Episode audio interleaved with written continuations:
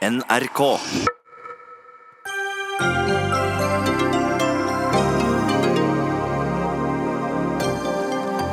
Slagsvold Vedum er en populist som tror på tannfen og julenissen, sa Trine Skei Grande i talen til landsmøtet på Hell i dag. Hun møter Vedum til debatt. Solskjær er oppskrytt, han velger feil taktikk og har bare flaks, sier svensk ekspert. Kvinnebevegelsen bør kjempe for kvinnenes rettigheter i tredje verden og glemme abortspørsmålet, mener organisasjonen Menneskeverd. Og oljefondet selger 20% av oljeaksjene. Ikke nok, mener miljøbevegelsen. Hold politikk unna oljefondet, sier BI-økonom.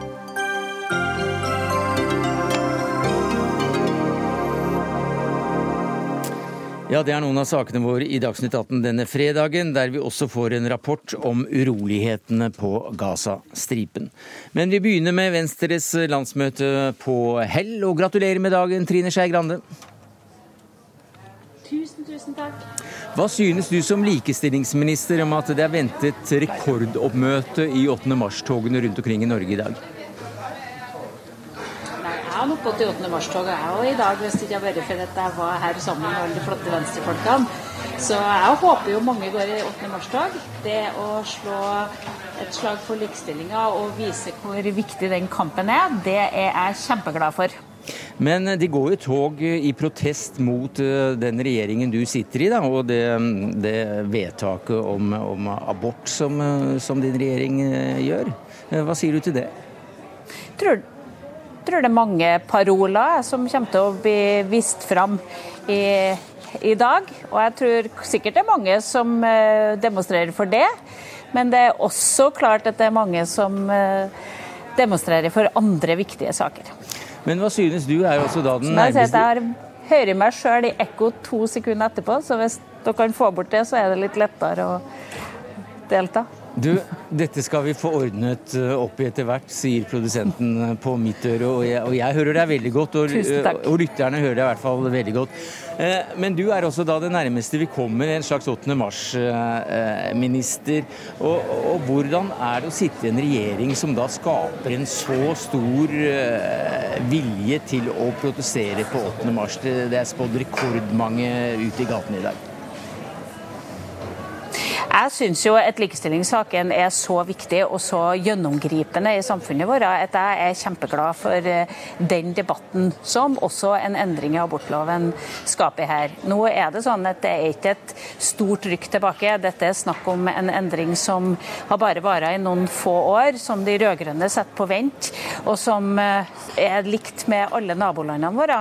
Jeg skulle ønske at vi ikke skulle ha gjort den endringa, men at det skaper et engasjement både knytta til likestilling og til abort, det skal en likestillingsminister være glad for. Skei Grande, jeg vet at du hadde lyst til å gå i 8. mars-tog, og dere har gått litt fram og tilbake i salen her i dag. Men nå, eh, nå høres du direkte, eh, i hvert fall til noen av de personene som deltar i toget i Oslo. Og hva er ditt budskap da til eh, i hvert fall en av dem? Nei, Mitt budskap er at det er veldig viktig å kjempe for likestilling, og at det er veldig mange bannere som man kan gå bak på en likestillingsdag. Og jeg håper jo at eh, engasjementet knytta til likestilling er like sterkt, om det er likelønn, kampen mot uh, ufrivillig deltid, det som vi ser at vi har fortsatt et så kjønnsdelt arbeidsmarked som vi har i Norge, at vi har bransjer som bare har menn som ledere fortsatt, at vi ser at det er så mye ulikhet å ta tak i. Når jeg omviser i skolen skoleklasser så bruker jeg av og til å si at det finnes urettferdighet nok til alle. Og på likestillingsfeltet så finnes det mange nok saker. Vi ser jenter som står fram fra skolegården og beskriver hvordan små jenter i dag beskrives med kjønnsord av gutter i skolegården. Vi ser hvordan metoo-bevegelsen har eh, kjempa ned stadig vekk nye barrierer. Det er nok å ta tak i kvinnekampen. Det er nok bannere å gå og bak. og det er nok å engasjere seg i før vi får likestilling. Ja. Synne Marie Lillenes, jeg mener, mange, jeg mener det er mange områder. Ja. Jeg har forstått det. Uh, Synne Marie Lillenes, jeg får beskjed om at uh, du er blitt grepet fatt i av vår reporter nede i uh, toget. Du er i toget i Oslo, på Youngstorget. Hva er det du har lyst til å si til likestillingsminister og partileder da, Trine Skei Grande på en dag som den? Jo, eh, jeg har lyst til å spørre eh, at hvordan er det mulig at i 2019, i Norge, at vi kvinner har mista fosterreduksjonsretten? Hvorfor får vi plutselig ikke bestemme over egen kropp? Skei Grande, kan du svare på det direkte? Jeg er nok ikke enig i at det betyr at kvinner ikke får bestemme over egen kropp. Det betyr at vi er tilbake til en rettstilstand som vi var for et par år siden, og vi er lik rettstilstand med alle de landene vi sammenligner oss med.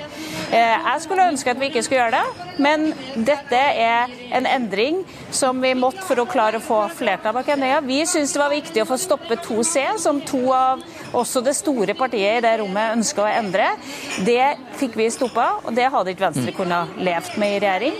Men dette er en endring som bare har pågått noen år, og som de rød-grønne aldri torde å ta i, og aldri torde å få en rettsavklaring på. Da fikk Synne Marie Lillenes i eh, toget den beskjeden. En tilfeldig vi, eh, vi traff der nede som reporteren vår huket fatt i.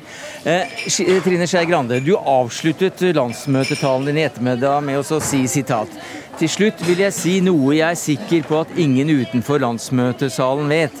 At jeg er sikker på at vi vil vinne valget til høsten. Hva i all verden er det som får deg til å tro på, på noe slikt når du ser ett-tallet på målingene? Fordi jeg vet hva det er som skal til for å klare å løfte seg igjen Venstre. Har vært der mange ganger før. Nå har vi veldig mange velgere på, på gjerdet. Da må vi både få fram den gode miljøpolitikken vi har, vi må få fram hvordan vi vil fortsette å gjenreise respekten for lærere, være det grønne, næringsvennlige partiet og løfte de klassiske liberale sakene. Da skal jeg klare å få folk ned fra gjerdet igjen. Da skal vi klare å få til et bra valgresultat. Vi har hatt dårligere utgangspunkt enn som så, og likevel klart å levere ved valg. Noen vil kanskje si at det er som å tro på både tannfeen og julenissen, men akkurat de begrepene de har du forbeholdt lederen i Senterpartiet. og Hva i all verden var det som gjorde at du nettopp brukte disse metaforene? Nå, når vi nå prøver å løfte Venstre på målingene, betyr det at vi reiser mye rundt og besøker lokalt næringsliv, både i by og på bygd. Og Det som eh, slår meg, det er at når jeg snakker med disse næringslivslederne, så er de veldig opptatt av å beholde EØS-avtalen. For dem er EØS-avtalen selve navet for å få bedriftene deres til å gå rundt. Eh, hvor mange alvorlige bedriftsledere jeg kikka i øynene som har sagt til meg at uten EØS-avtalen så hadde ikke vår bedrift fungert. Det å tro at Norge skal bare melde seg ut av EØS-avtalen, og så skal vi få en eller annen hyggelig handelsavtale. Vi ser jo hvor lett det er for britene å få til. Som, eh, som vi skal ha store, like stor markedstilgang som vi har i dag.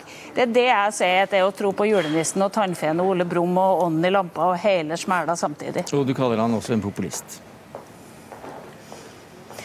Jeg syns at det er forenkla løsninger som politikere serverer til folk uten å ha gode forklaringer eh, på hvordan alternativet skal være. Det er det samme som det vi ser har skjedd i Storbritannia nå, der konservative politikere har kasta seg på folkebølger med å komme med enkle løsninger. At det er bare å melde seg ut av EU, så fikser vi dette. Og dermed så er han en populist, slik, du, sånn. slik du sa fra talerstolen. Trygve Slagsvold Vedum, du er altså da leder av Senterpartiet. Du er stortingsrepresentant, du er populist, du er tannfe og julenissetilhenger. Og, og hvilke av de beskrivelsene kjenner du deg minst igjen i?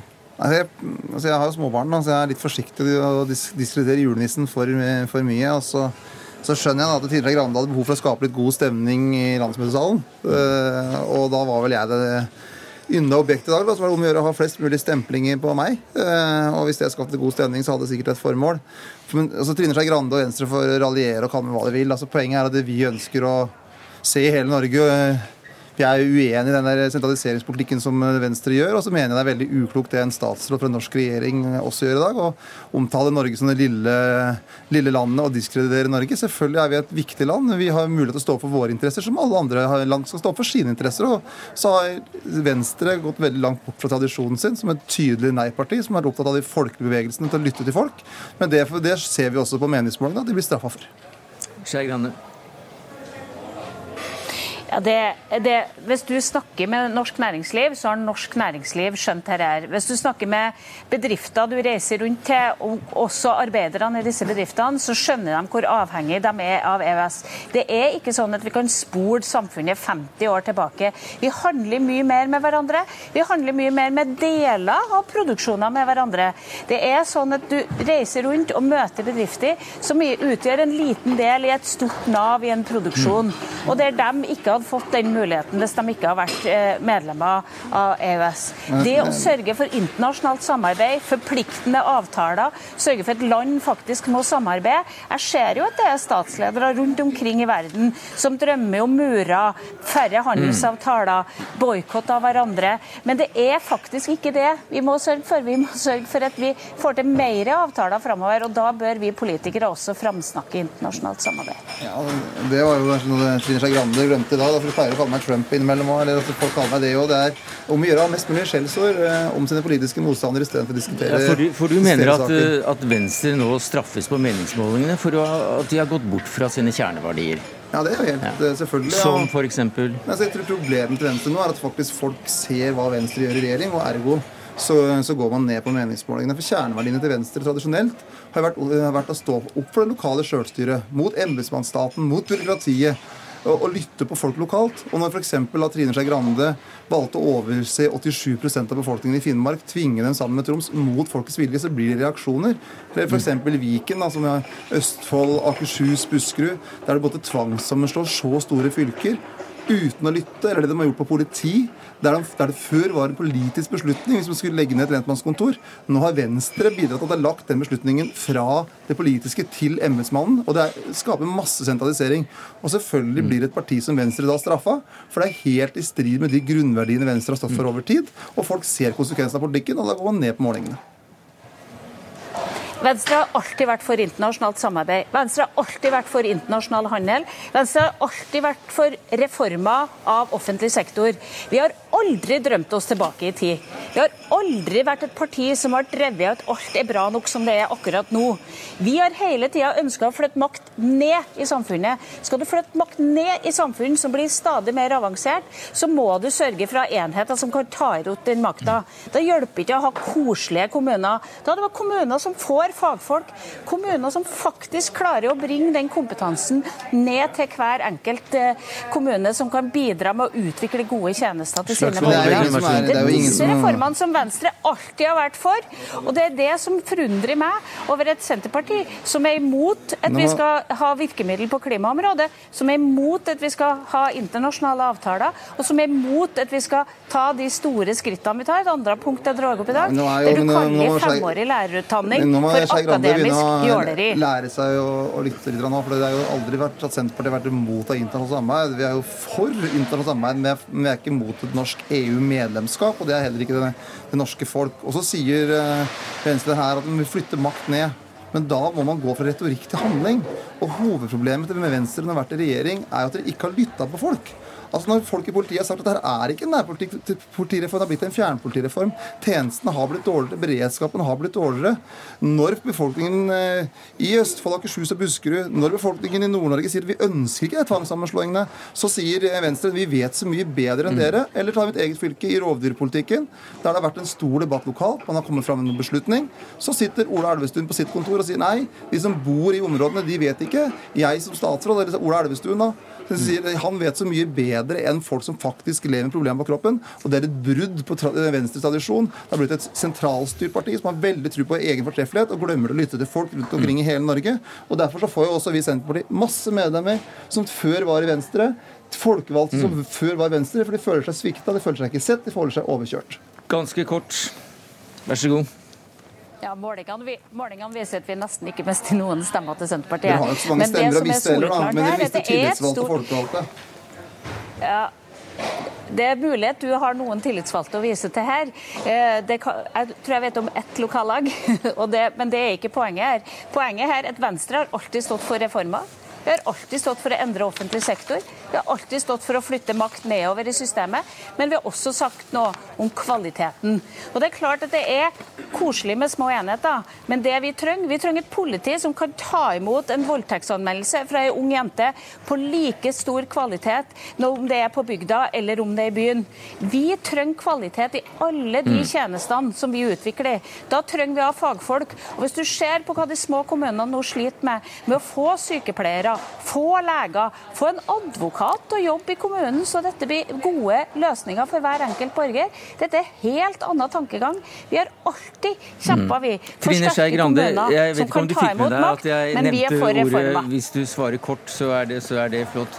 Eh, vi må dessverre avslutte akkurat denne runden her. Eh, legg merke til at vi ikke nevnte at Venstres tidligere nestleder Olaf Thommessen var i Dagsnytt 18 i går. og og, og, og, mente at Abid Raja burde slutte med soloutspill, og, og refererte til uh, Christian Michelsen om at nå gjelder det eh, ikke bare å stå på, men nå gjelder det faktisk å, å holde kjeft. Jeg vet ikke om du fikk med deg det, Slagsvold men takk for at du, du, ble med. Vi gjør et lite sceneskifte der oppe i, um, i Hell. Eh, for vi har med oss Trine Eilertsen, som er politisk redaktør i Aftenposten. Og vi har med oss Magnus Takvam, som er politisk kommentator i NRK. Og først til deg, Trine Eilertsen, politisk redaktør i Aftenposten. Er Senterpartiet en naturlig hovedfiende for Trine Skei Grande og, og Venstre på dette landsmøtet?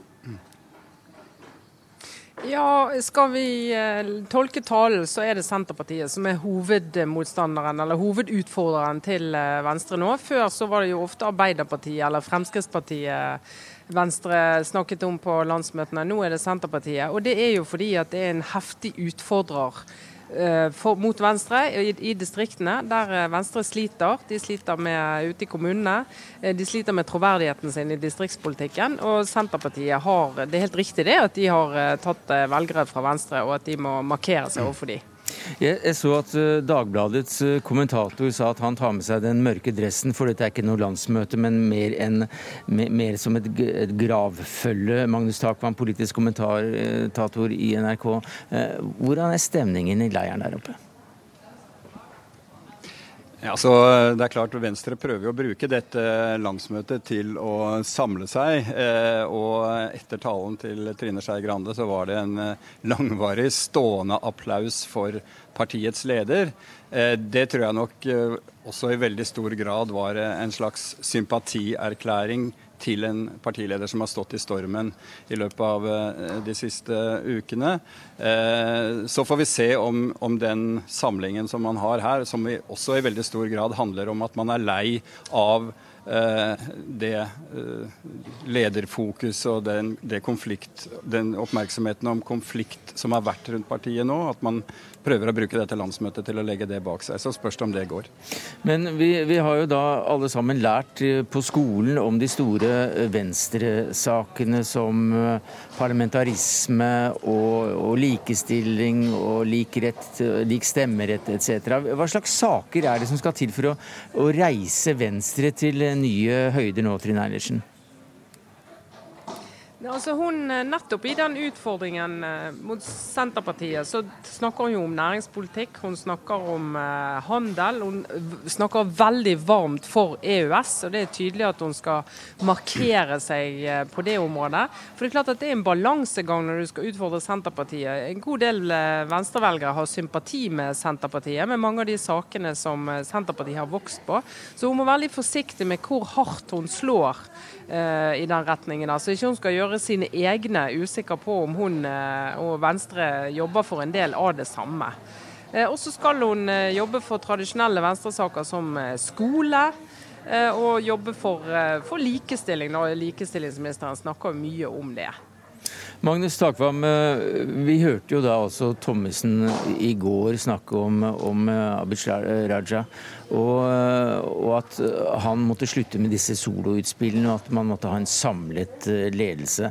Er det, er det noe som tyder på at ledelsen er mer samlet når de møter nå på hell? Ja, nå eh, er det vanskelig å vurdere hvordan eh, debatten rundt Raja og partiledelsen går fra dag til dag. Der er det jo utspill hele tida.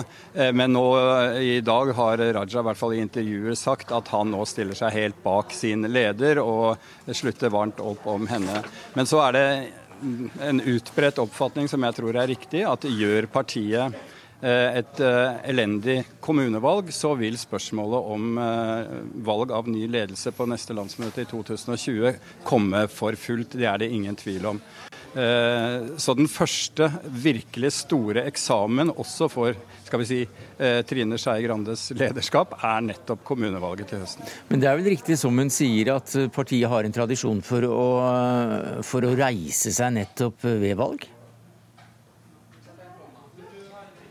Ja, ja da, altså de gjør det, men det er uavhengig av det valget så er det en diskusjon om de trenger endringer i, eh, i den ledertrioen. Altså det for å snakke om, det kan bli alle tre som eh, man ser behov for å bytte ut, eller i hvert fall en nestleder. fordi at Selv om de gjør et godt valg, og selv om de skulle reise seg og akkurat klare å karre seg over sperregrensen en gang til, sånn nasjonalt, så ser folk at det er behov for endringer. Så det er ganske sånn legitimt å snakke om det, uavhengig av akkurat det bråket som har vært med Abid Raja og, og Trine Skei Grande. Men måten det skjer på er jo ganske viktig for, eh, for venstrefolkene. Og det var jo en som sa det at eh, hvis hun presses til å gå fordi hun blir dratt ned, så er det ikke sikkert at den som gjør det, får tillit. Takk skal dere ha på hell, Trine Eilertsen, politisk redaktør i Aftenposten, og Magnus Takvam, politisk kommentator her i NRK.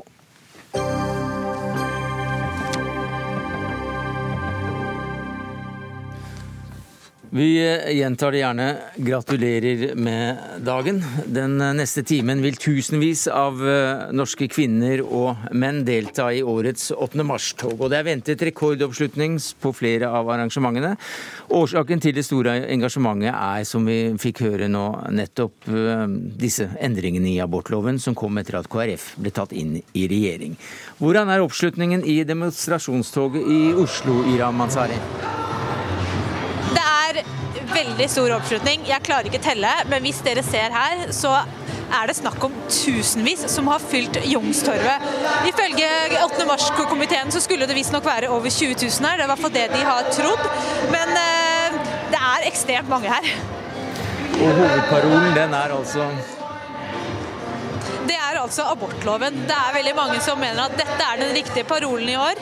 Å gjøre endringer i den, det er fatalt og kan være fatalt for kvinner. Det er å gå tilbake i tid, og det er det som er blitt bestemt som hovedparolen. I tillegg så er det jo 28 paroler her på, i, i toget i år, men altså abortloven er virkelig den som er hovedparolen. Maria Selvik, som informasjonsansvarlig i organisasjonen Menneskeverd, så skriver du i ytring på nrk.no at Kvinnekampen den er gått ut på dato. Hva mener du med det? Nei, Jeg mener at det er eh, mange gode grunner til å gå i tog 8.3, men jeg mener en utvidelse av abortloven ikke er en av dem. Eh, vi vet veldig mye mer om eh, følgene av abort, vi vet mye mer om fosteret enn vi gjorde for 40 år siden, da abortloven kom. Eh, og En undersøkelse som kom i oktober i fjor, viser at 55% av nordmenn ikke ønsker en utvidelse, mens bare 20% ønsker en utvidelse. Så her mener jeg at 8. mars-komiteen har eh, store deler av det norske folk eh, mot seg. Anne Kvam, hva sier du til det som skribent og, og politiker for Miljøpartiet De Grønne? Du skrev også om dette her i ytring.no. Jeg mener jo at det er god grunn til at det er 20 eh, 000, om ikke flere, som samler seg under eh, en parole til forsvar for abortloven i år. For det er jo sånn at eh, vi har fått den første innskrenkingen i abortloven på 40 år, altså siden abortloven ble vedtatt. Det er en innskrenking som, som, handler om kvinnens rett til selvbestemmelse i abortspørsmålet. Og det syns kvinner i Norge er skummelt. Men det er ikke bare eh, denne innskrenkingen dere demonstrerer mot. Dere, dere eh, vil fjerne nemndene, som i praksis betyr en utvidelse til 18 uker. I tillegg til det så har dere en parole om NIPT til alle gravide. Og Konsekvensen av de to parolene eh, sammen er at man eh, da kan få informasjon om fosterets egenskaper, men også kjønn, helt fram til 18 uker. Man trenger ikke å møte i eh, noen nemnd, og, og man, vi kan eh, risikere at man kan sortere på kjønn. Som vi vet skjer eh, andre steder i verden, hvor abort faktisk går utover kvinner i stor overvekt eh, på verdensbasis. Ja, jeg mener at dette, dette eh, tas helt ut av proporsjoner. Nå tillegges det en hel masse meninger inn i, eh, inn i standpunktene til alle de enkeltindividene som går i 8. mars-tog i dag. Det vi først og fremst går i 8. mars-tog for i dag, det er å markere overfor regjeringen at vi mener at det å innskrenke kvinners rett til selvbestemmelse, som nå er i ferd med å skje, som KrF har fått gjennomslag for, som statsministeren har sagt seg villig til å gå enda lenger på, det syns ikke vi noe om. Og Det det handler om, er ikke at vi ikke anerkjenner at det ligger dilemmaer i abortspørsmålet, at det kommer flere dilemmaer på bordet nå som teknologien utvikler seg, men at vi mener at de dilemmaene bør ikke først og fremst diskuteres i en nemnd. De vanskelige valgene, de kan mm. kvinner fram til et visst tidspunkt i svangerskapet ta selv sammen med sin familie. Men dette mener du da er argumenter at kvinnekampen har gått ut på, på dato. Hvordan da? Nei, vi vet eh, veldig mye mer i dag. Og så stiller jeg meg det spørsmålet om hvorfor man skal åpne opp til 18 uker. For det er faktisk det hovedparolen betyr. Når man sier at fjerne nemndene, så er det opp til 18 uker. Eh, Hvorfor skal man gjøre det, når over 90% av de abortene som utføres i Norge i dag, gjøres før uke 9? Eh, jeg eh, syns det er nærliggende å anta at da ønsker man å ha full frihet til å kunne ta abort også når man får indikasjoner på at det er noe med fosteret. Det kvinner trenger da, er ikke at man blir stilt alene, at man står alene overfor det valget, men at man faktisk kan møte i en nemnd hvor man får vite hva disse indikasjonene betyr, og også hvilke muligheter man har.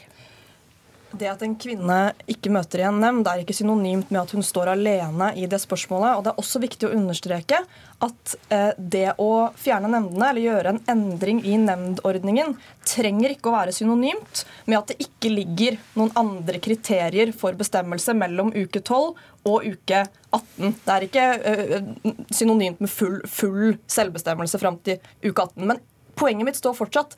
Og det er at jeg tror ikke at kvinner vil ta noe lettere på valget om abort mellom uke 12 og uke 18, eller før uke 12, om det skulle skje en endring i den ordningen, enn de gjør i dag. Dette er dilemmaer som kvinner står i hver dag. Og så vet vi at i samfunn med strengere abortlovverk enn det vi har i Norge i dag, så får vi også flere aborter, og vi får farligere aborter. Mm. Og det å da gå ut og si fra om hvor viktig den selvbestemmelsen er, det er veldig veldig viktig når det er helt åpenbart at eh, krefter som vil demontere abortloven fullstendig, er på vei inn i regjeringskontorene.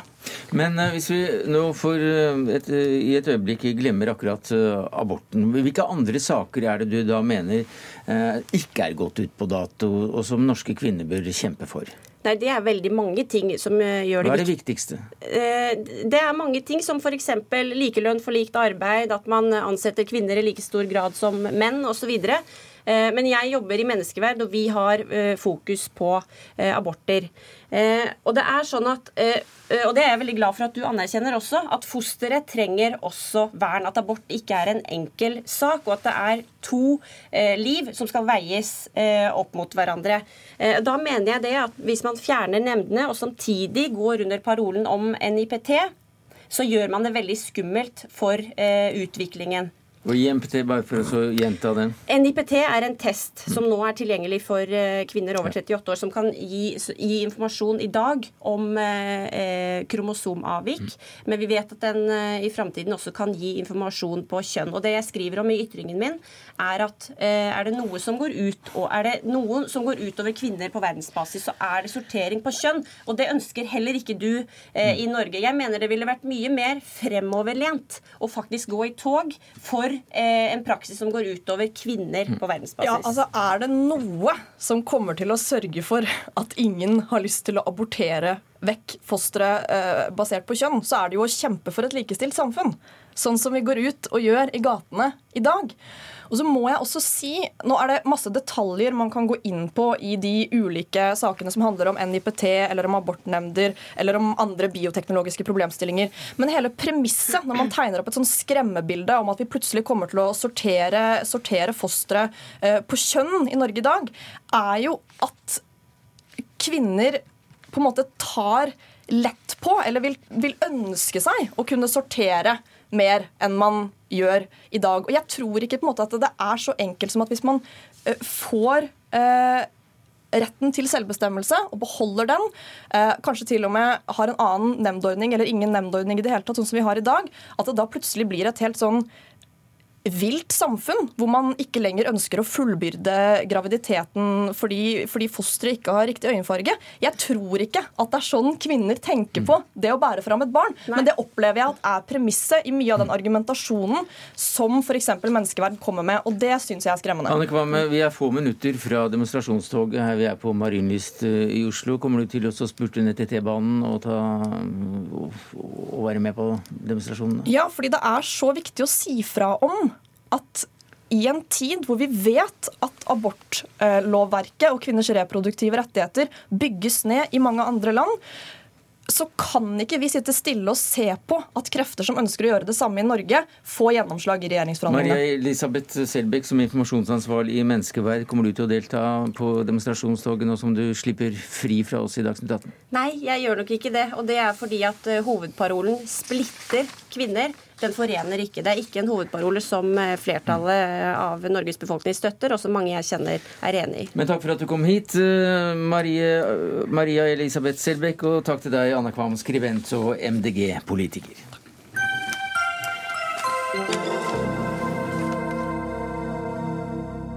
Igjen er det uroligheter på Gaza-stripen. I går ble en palestinsk tenåring skutt etter at han med flere kastet stein og eksplosiver mot israelske soldater. Israelske kampfly bombet så flere mål sør på Gaza-stripen. I dag har palestinerne varslet nye demonstrasjoner mot israelsk okkupasjon og blokade. Og korrespondent i Midtøsten, Kristin Solberg, hva kan du si om situasjonen på Gaza-stripen nå? Ja, situasjonen der er generelt veldig spent. Det har vi sett eh, det siste året. At det har vært eh, en, en nokså høy risiko for et eh, nytt utbrudd av krig. Det vi har sett, er at det har vært perioder med økt vold og økt eller krassere retorikk fra begge parter, som så har blitt fulgt av en skjør våpenhvile, før hele syklusen har startet igjen noen måneder senere. Nå er vi inne i en ny periode hvor volden og retorikken trappes opp, og det risikerer risikerer å, eh, å true den skjøre siste fredsavtalen fra, fra, november i fjor. De siste dagene så har vi jo bl.a. sett at en, en 15-årig palestinsk gutt som deltok i protester ved gjerdet mot Israel, eh, er blitt drept. Eh, israelske kampfly har bombet flere Hamas-mål inne i, eh, i Israel, eh, nei, inne på Gazastripen. Og, eh, og det har da vært De ukentlige protestene har fortsatt også i dag dag. Ja, hvorfor øker da disse protestene i styrke nå, og hvorfor øker bruken altså, av, av fiendtlig retorikk i disse dagene? Ja, vi ser jo, For å ta prosessene først. Dette har jo eh, på mange måter dette har jo pågått i et år. Det har vært ukentlige protester hver fredag i et, eh, et år. Der, eh, der, palestinere har demonstrert ved gjerdet mot, eh, mot, Israel eh, på Gazastripen. Protestert mot blokaden, protestert for det de ser på som retten til eh, retur for palestinske flyktninger. Og de er blitt slått hardt ned på av, av israelske soldater. Jeg har selv vært i de protestene. Eh, noen av demonstrantene er, er, demonstrerer helt fredelig. Eh, andre kaster stein eh, eller sender brennende drager over grensegjerdet. Men de er blitt møtt med tåregass, gummikuler og skarpe skudd. Og kanskje spesielt i begynnelsen av, av disse protestene. Nå kommer vi snart opp mot og ettårsdagen til eh, at de protestene begynte. 30. mars eh, blir det. Og det er forventet at de kommer til å øke i intensitet opp frem til det. Og det er jo en slags valgkamp. Ja, altså eh, Det pågår valgkamp i, eh, i, Israel nå. Statsminister Benjamin Netanyahu han eh, står overfor sin tøffeste motstander på, på ti år. Tidligere hærsjef Benny Gantz som, som utfordrer, utfordrer, ham.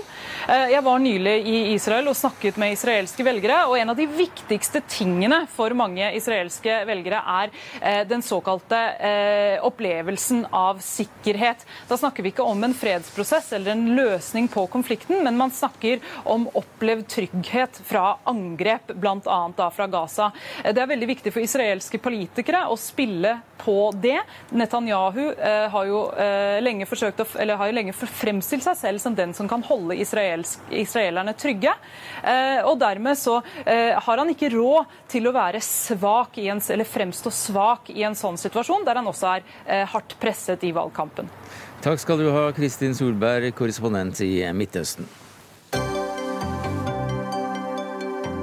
Hør Dagsnytt 18 når du vil. Radio NRK Radio.nrk.no.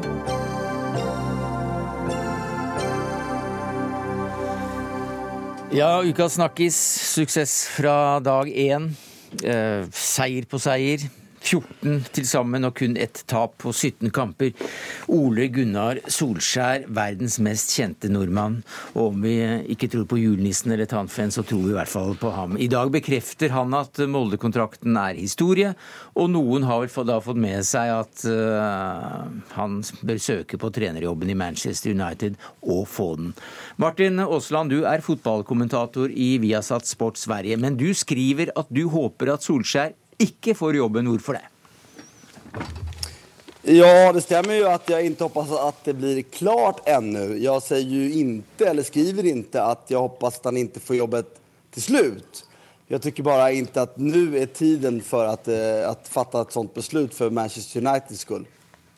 Hvorfor ikke?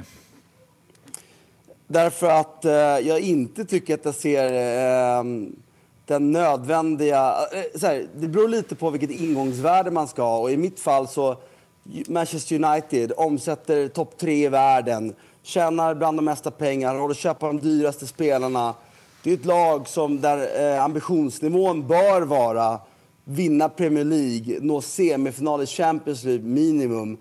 Eh, och det behöver man göra. Om man ska göra det så behöver man ha ett väldigt tydligt eget spel hur man dominerar för matcher. Och då tänker jag främst på om man spelar upp bollen nere från egen backlinje för att skapa målchanser.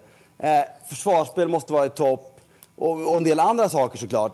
Och så här långt tycker jag Solskär har visat att ledarskapet är topp. Verkligen. Eh, och alla jag känner som har träffat och spelat och känner honom pratar bara väl om honom. Försvarsspelet ser ganska bra ut. Jag tycker inte att det ser superbra ut.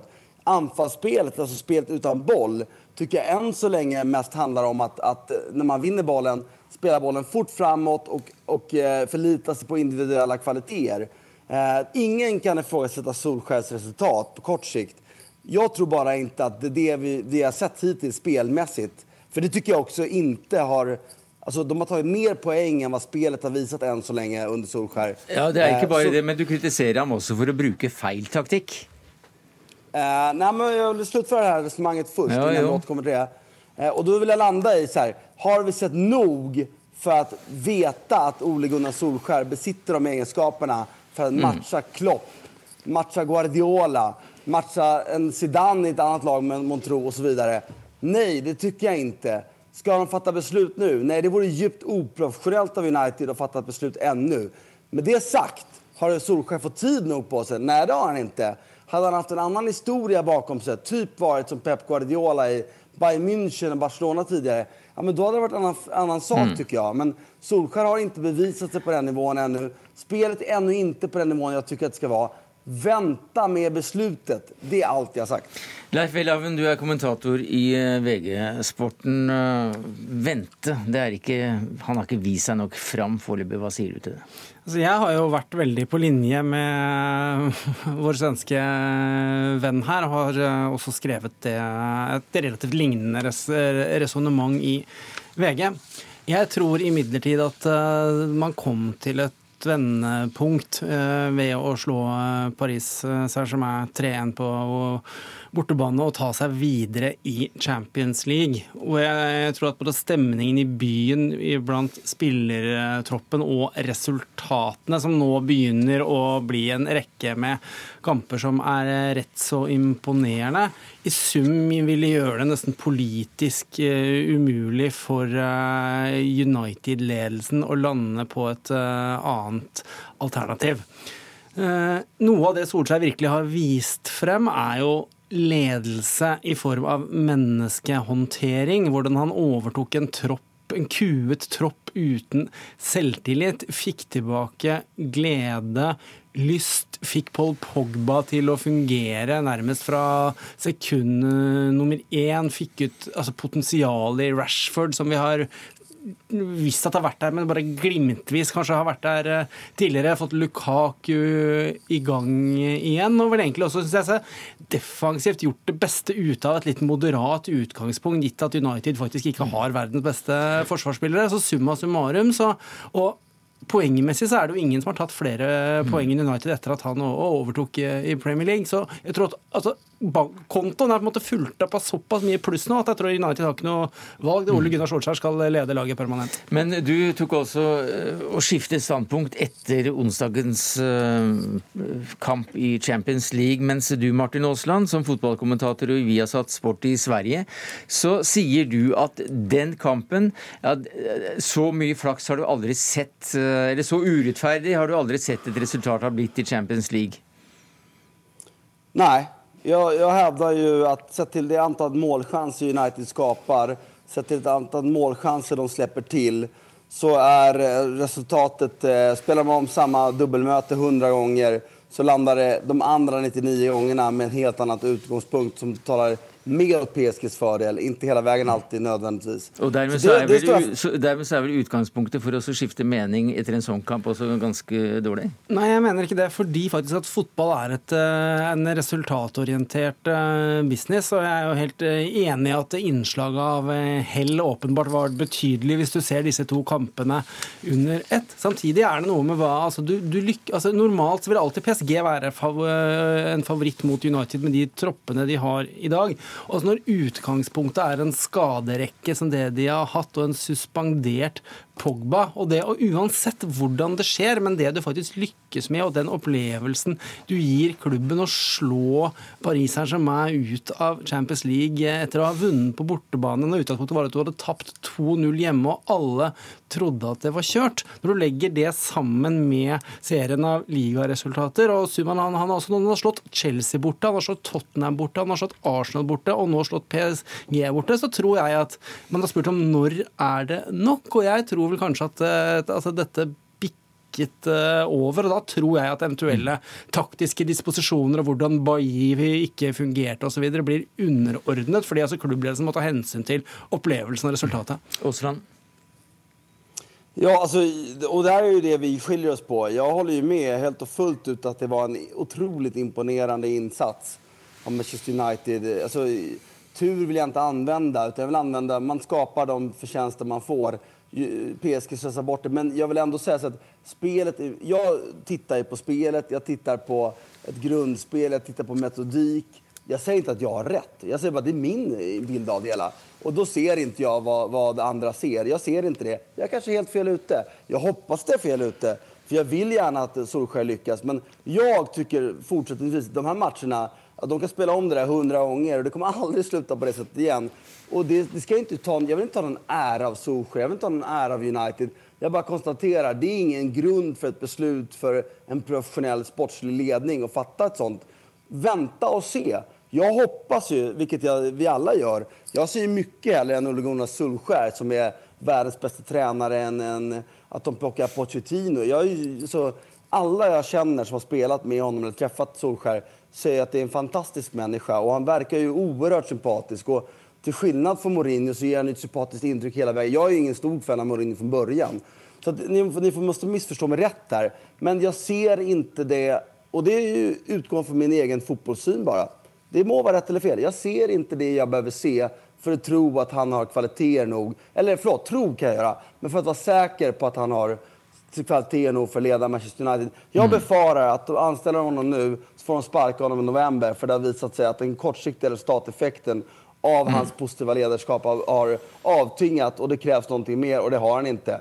Han har inte bevisat det tidigare. Han har inte haft chans att bevisa det tidigare, jag vet. Mm. Men och man ska ha klart det, han tog över ett PSG, eller förlåt, ett Manchester United där, där det fanns otroligt mycket mer att angripa och ta hand om än själva grundspelet. Jag han har alltså inte det. det som ska till? Det vet vi inte. Men det er inte. Och det är det som är poängen. Ja. Vänta och se. Ja. Alltså, jag har egentlig vært enig i dette fram til ganske nylig. Men jeg tror nok at det kommer, altså det kommer til et punkt for alternativet vil være utenkelig. Hvis de nå velger en annen Solskjær, så tror jeg det vil skape helt umulige arbeidsforhold for den som skal overta, når han er så populær hos fansen og så populær hos spillerne. Og når, nå, altså etter at Ferguson ga seg, så har du vonde opplevelser med Moyes, van Hall og eh, nå, nå sist eh, Mourinho, så kan jeg ikke tenke meg noe annet enn at uh, klubbledelsen nå går for en, en, som er av deres egne, har en imponerende resultatliste og nå i sum faktisk har vist nok til at uh, han fortjener det. Men Velhaven, det, det, var jo omtrent fra Unnskyld at jeg avbryter deg, Osland, men Velhaven, det var jo omtrent fra dag én at, at, norske kommentatorer sa at nå må han få jobben. Det, det sa ikke du. Men det var, var omtrent fra, fra, den første, fra, den første, seieren. og nå har han da altså vunnet 14 seire, ett tap, to uavgjorte. Eh, når tror du avgjørelsen faller? Får du meg nå? Nei, egentlig så tror jeg at jeg skal snakke med Welhaven, for du håper jo at den eh, faller i motsatt retning.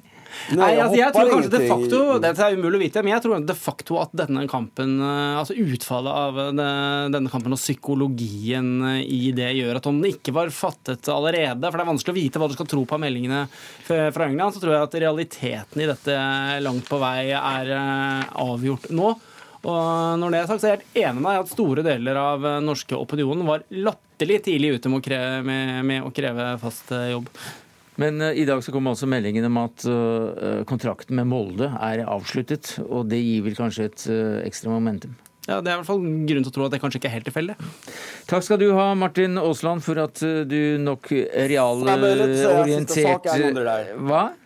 Jeg vil bare Siste kommentar på det. Ja, veldig, veldig kort jag håller helt med om att man når en punkt till slut där man inte kan göra något annat. Men den punkten är inte nådd ännu. Allt United sportsliga ledning behöver göra är att vänta och se. Når de Champions League, går långt i Champions League-spelet i år, då har vi nått den punkten. Då ska han anställas. Men där är de inte nu. De har inte vunnit, de har inte nått målen ännu. Bara vänta! Det är det allt jag säger. Vänta och se. Allt annat vore oprofessionellt av United, tycker jag. Takk skal du ha, Martin Åsland, fotballkommentator i Via Sport Sverige. Takk til deg, Leif Welhaven, kommentator i VG Sporten.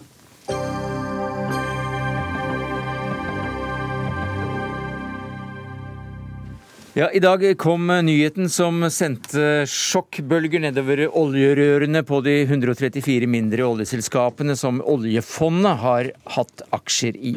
Regjeringen vil altså ta ut såkalte oppstrømsselskaper ut av oljefondet.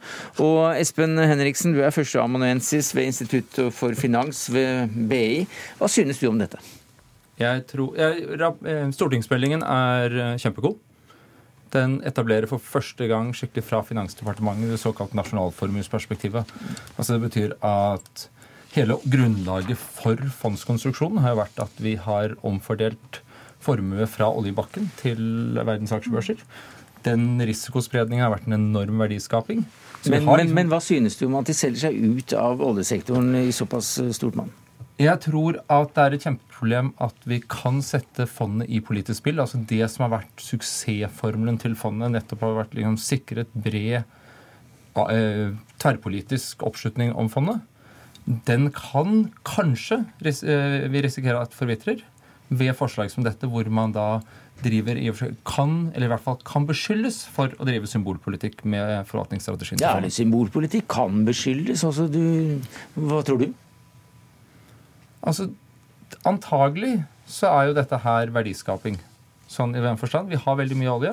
Vi får mindre oljeaksjer. Så det er bra. Problemet er at hvis da, slik som kanskje noen av meddebattantene mine her nå, sier at dette er for å drive klimapolitikk, for å drive miljøpolitikk Jeg sier ikke at Finansdepartementet gjør det, men hvis de gjør det, og man da vil fortsette av den type forslag, altså hvor man da har andre politiske målsetninger med forvaltningsstrategien til fondet, så kan vi være veldig ille ute. Hvorfor det?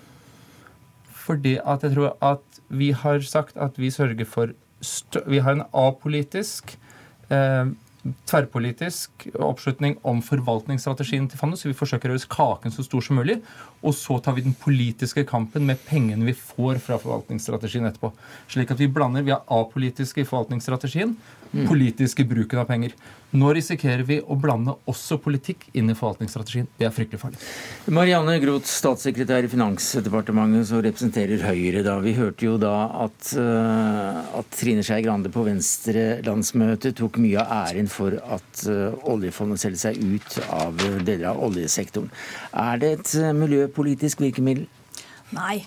Det dette handler om, det er rett og slett spørsmålet hva skjer hvis oljeprisen en gang i årene som kommer blir vesentlig lavere enn den er i dag, og blir liggende der over tid. Hva skjer med norsk økonomi da? Vi vet at oljeprisen, endringer i oljeprisen kan ha stor virkning på norsk økonomi. Det så vi i 2014. Eh, Det viktigste vi gjør for å ruste Norge for en lavere oljepris eller lavere oljeinntekter i fremtiden, det handler ikke om fondet. Det handler om å sørge for at vi driver staten effektivt, at vi bruker pengene effektivt og godt, og sørger for at vi har lønnsomme bedrifter og arbeidsplasser i hele landet, sånn at vi har andre bein å stå på enn oljeinntektene. Så dette har ikke ikke noe med miljøvernet å gjøre? Så I tillegg så kan vi ta ned altså gjøre, Lage litt mindre risiko ved en lavere, lavere oljepris i fondet ved å ikke investere fondet i selskaper som kun har sine inntekter fra eh, leting og, og utvinning av olje og gass. Fordi det er jo der også oljeinntektene, eh, den direkte oljeinntekten i økonomien kommer fra. Så ifølge deg og Norges Bank så er det utelukkende økonomiske hensyn, langsiktige hensyn, som ligger til grunn for eh, disse, denne tilbaketrekningen eller uttrekningen fra deler av oljesektoren. Og det er vel um, greit? Ja, Problemet er bare hvor er det vi trekker streken hen. Og her er det i og for seg finansiell teori som ikke kommer langt nok. Altså vi kan godt si Finansiell teori sier at du bør tenke på hvordan den finansielle porteføljen ser ut. Vi, Hvilke aksjer eier vi, gitt hvilke andre eiendeler vi har. Men hvor er det vi skal trekke grensen? Skal vi trekke grensen ved oppstrømsselskaper? Skal vi trekke grensen ved integrerte eh, oljeselskaper? Skal vi trekke grensen ved aluminiumsselskaper? Fiskeoppdrett, magnesium. En del av de tingene som Thøgersen-utvalget indirekte var inne på, som var veldig vanskelig. Hvor, hvor er det vi holder disiplinen når vi legger dette perspektivet til Og det utvalget, det var altså Thøgersen-utvalget var dette utvalget som da ga regjeringen råd Mm. om energiaksjer, og hvor de da anbefalte man at man ikke skulle ta dem ut av referanseindeksen. Ja, det- Det er jo selvfølgelig en avveining hvor du trekker eh, streken. Og som sagt, jeg skal ikke sitte her og påstå at dette er det viktigste tiltaket man kan gjøre for å ruste Norge for en fremtid med enten en lavere oljepris eller så bare mindre oljeutvinning. Det aller viktigste vi gjør da, det er å sørge for at økonomien har andre bein å stå på, at vi tjener penger på noe annet enn olje også. Men i tillegg så mener vi altså at dette er en fornuftig også en fornuftig reduksjon av risikoen i fondet ved en lavere oljepris. Så er det helt enig at det er en diskusjon om hvor man skal trekke streken, men den diskusjonen for, altså, Premisset for den diskusjonen er hvordan vi beskytter oss best mulig mot den finansielle risikoen i fondet. Og har ikke noe med miljøvern å gjøre. Nei. Eh, Hva sier du til Anja Bakken Riise? Du er leder av Framtiden i våre hender og ønsker vel akkurat en slik beslutning velkommen, men det har altså ikke noe med miljøvern å gjøre? Eh, jo, eh, La oss komme tilbake til det. fordi at altså, vi, Jeg syns det er helt merkelig i denne sammenhengen å dra opp den debatten om politisk styring av oljefondet på akkurat denne saken. fordi at Hvis det er én ting som har definert den offentlige debatten om denne beslutninga, så har det jo handla om finansielle vurderinger. Eh, og når det er sagt, så tenker jeg at det, det hadde samtidig vært veldig ulurt og lite klokt eh, av Finansdepartementet og av regjeringa eh, i tida framover å ikke ta stilling til hvordan eh, oljeprisutviklinga vil foregå i møte med den enorme omstillinga som verden skal, eh, skal igangsette. Så å ikke skulle ta stilling til det fordi at det potensielt kan oppfattes som politikk, det tenker vi er både uklokt, og det kan komme til å koste oss veldig dyrt. Hva sier du til det? At det er uklokt å, å, å, å ikke, ikke gå inn med, med alt sammen fordi at det kan oppfattes som, eh, som en politisk beslutning? Hvis fremtiden hender er, eh, kan love at de holder veldig disiplin og bare følger økonomiske argumenter i debatten om forvaltningen av fondet fremover, så er det helt greit. Da er det ingen problemer. Problemet her er at vi har faktisk veldig mye av den oljeprisrisikoen. Den tar vi ut ved hele fondskonstruksjonen. Den er diversifisering av oljeprisrisiko. Så er det spørsmålet da, ikke sant, skal vi gjøre enda litt til? Hvis og det, Hvis vi greier å holde disiplin på det, så er dette antagelig verdiskaping. Dette gir enda bedre diversifisering, som statssekretæren sier.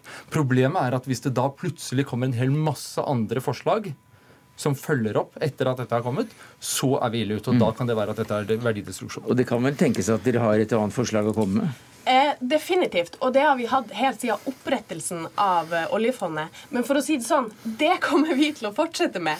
Altså, eh, for, eh, for På den spede begynnelsen av oljefondet så var, mente verken Høyre eller Arbeiderpartiet at man burde ha etiske retningslinjer for fondet. Men takk Gud for at miljøbevegelsen og sivilsamfunnet har pusha på og utfordra hva som skal være de etiske grensene og moralske standarden for hva vi skal plassere våre felles sparepenger i. Men selvfølgelig skal jo en solid og trygg finansiell vurdering ligge til grunn. Men, men noen prinsipper skal selvfølgelig styres av politikk. Ja, men du vil ha, Så du vil ha mer politikk inn i eh, vurderingen av hva slags aksjer man bør Altså, jeg mener at hvordan oljefondet investerer i dag, Ja. det er i høy, i aller høyeste grad politisk. Om man investerer i olje eller om man ikke investerer i olje, begge deler er politiske beslutninger i tillegg til finansielle. Det er, eh, det er uenig. Jeg tror at det viktige her er at vi legger rene finansielle kriterier eller økonomiske kriterier til grunn i forvaltningen av fondet. Det er det som har sørget for at vi har bred tverrpolitisk oppslutning om forvaltningsstrategien. Så kan vi heller ha debatten om hvordan vi skal bruke de pengene vi har. Det det. Men et annet poeng som er veldig viktig, det er i forhold til de etiske retningslinjene. For det er litt viktig at vi forstår hva de etiske retningslinjene gir oss. De betyr ikke at vi, det blir mindre tobakksselskaper. De betyr ikke at det blir mindre produksjon av kjernevåpen. Det var noen andre som er det. Liksom, virksomheten er akkurat den samme. Det eneste det betyr, er at vi ikke får de kontantstrømmene. Det kan vi ikke risikere å gjøre med oljeindustrien. Når vi sitter her og liksom er steinrike pga. olje og sier nei, vi har ikke lyst til å ha kontantstrømmene fra oljevirksomhet. Ja, her er det mye å ta tak i, men eh, det er klart at de etiske retningslinjene eh, de, de sier noe om, om det, det moralske, hva vi vil eh, stå inne for. Ja, men men eh, vi ser jo også at den strategien som ligger til grunn for oljefondet sine investeringer, det er det investorer over hele verden som følger etter. Og det er selvfølgelig, når vi bejubler beslutninger i dag, vi anerkjenner at regjeringa gjør det av finansielle år, eh, hensyn. Så syns vi at de skulle ha gjort, gått enda litt lengre. Vi mener at de burde ha fulgt Norges Bank sin anbefaling om å trekke ut hele oljesektoren. Både av finansielle hensyn. altså Nå reduserer man oljeprisrisikoen noe fordi at man tar noen av oljeselskapene. Man kunne ha redusert den enda mer hvis man hadde tatt ut hele sektoren. Men vi mener selvfølgelig også vi mener selvfølgelig også at det her er en god klimanyhet. Fordi eh, bl.a. Eh, at vi tror at investorer over hele verden vil følge etter. Ja, altså Skjellaksen etter annonseringen sank med 2% så det hadde en viss eh, virkning, i hvert fall internasjonalt. Eh, Gro, hvorfor selger ikke dere ut av hele oljesektoren? Slik fremtiden i våre hender og alle miljøbevegelser eh, vil? Ja, den, eh, den eh, sektoren som i FTSE-indeksen var eh, betegnet som olje og gass da dette rådet kom fra Norges Bank, som nå heter energiaksjer, den favner veldig, eh, favner veldig bredt. Eh, Der er det mange forskjellige typer selskaper, både da rene oppstrømsselskaper som i all hovedsak av inntektene sine fra leting og utvinning av olje og gass. Eh, Det er også helt rene fornybarselskaper der som ikke driver med olje og gass i det hele tatt. Og det er mange selskaper som enten selger utstyr eh, til begge typer, eh, begge typer energiproduksjon, og f.eks. brede energiselskaper som driver med begge deler Men hvorfor dere begge ikke ut av hele businessen? Nei, altså, jeg tror verden, verden vil fortsatt trenge energi. Og vi ser jo at uh, mange av altså For det første er det en del selskaper i denne sektoren som driver med fornybar energi. Vi ser jo også at mye av de, eh, de integrerte olje- og gasselskapene eh, også investerer, står for en veldig stor andel av verdens investeringer i andre typer energiformer. Jeg tenker at Dette er en vekst som det vil være dumt at ikke fondet kan ta del i. Mm. Eh, Men det er jo en avveining ikke sant, mot ulike typer risiko. men sånn er Sånn er det jo med, altså Det er jo hele poenget med forvaltningsstrategi. Du må gjøre de avveiningene. Hvilken risiko er du villig til å ta? For uten å ta noen risiko, så tjener du ingen penger. Nei, og I fjor tapte dere 400 milliarder, eller hva det var. Sånn at eh, dere har jo litt å ta igjen. Ja, hvis, du skal se på, hvis du ser på verdistigningen i fondet etter nyttår og frem til nå, så er eh, Mm. Så er fondet høyere. Anja Bakken eh, Riise, helt kort til slutt. eh, Hva er ditt råd til oljefondet? Nå har du akkurat tolv sekunder på deg. Jo, Vi mener jo at neste steg må være å følge Norges Banks anbefaling om å trekke seg ut av hele oljesektoren. Både fordi at det er viktig av eh, klimahensyn, fordi at det her er noen av de oljeselskapene som er de store driverne bak klimaendringene, og fordi at det vil redusere oljeprisrisikoen ytterligere. Samtidig må vi åpne opp for store investeringer i fornybar infrastruktur utenfor børs for å redusere risikoen ytterligere. Du hadde ikke helt panelet med deg akkurat i det siste der, men vi får ikke tid til mer denne uka i Dagsnytt 18, for denne sendinga er slutt på en fredag. Ansvarlig for det hele var Jaran Mikkelsen. Det tekniske ansvaret hadde Stein Nybakk. Jeg heter Sverre Tom Radøy. Vi høres igjen på mandag.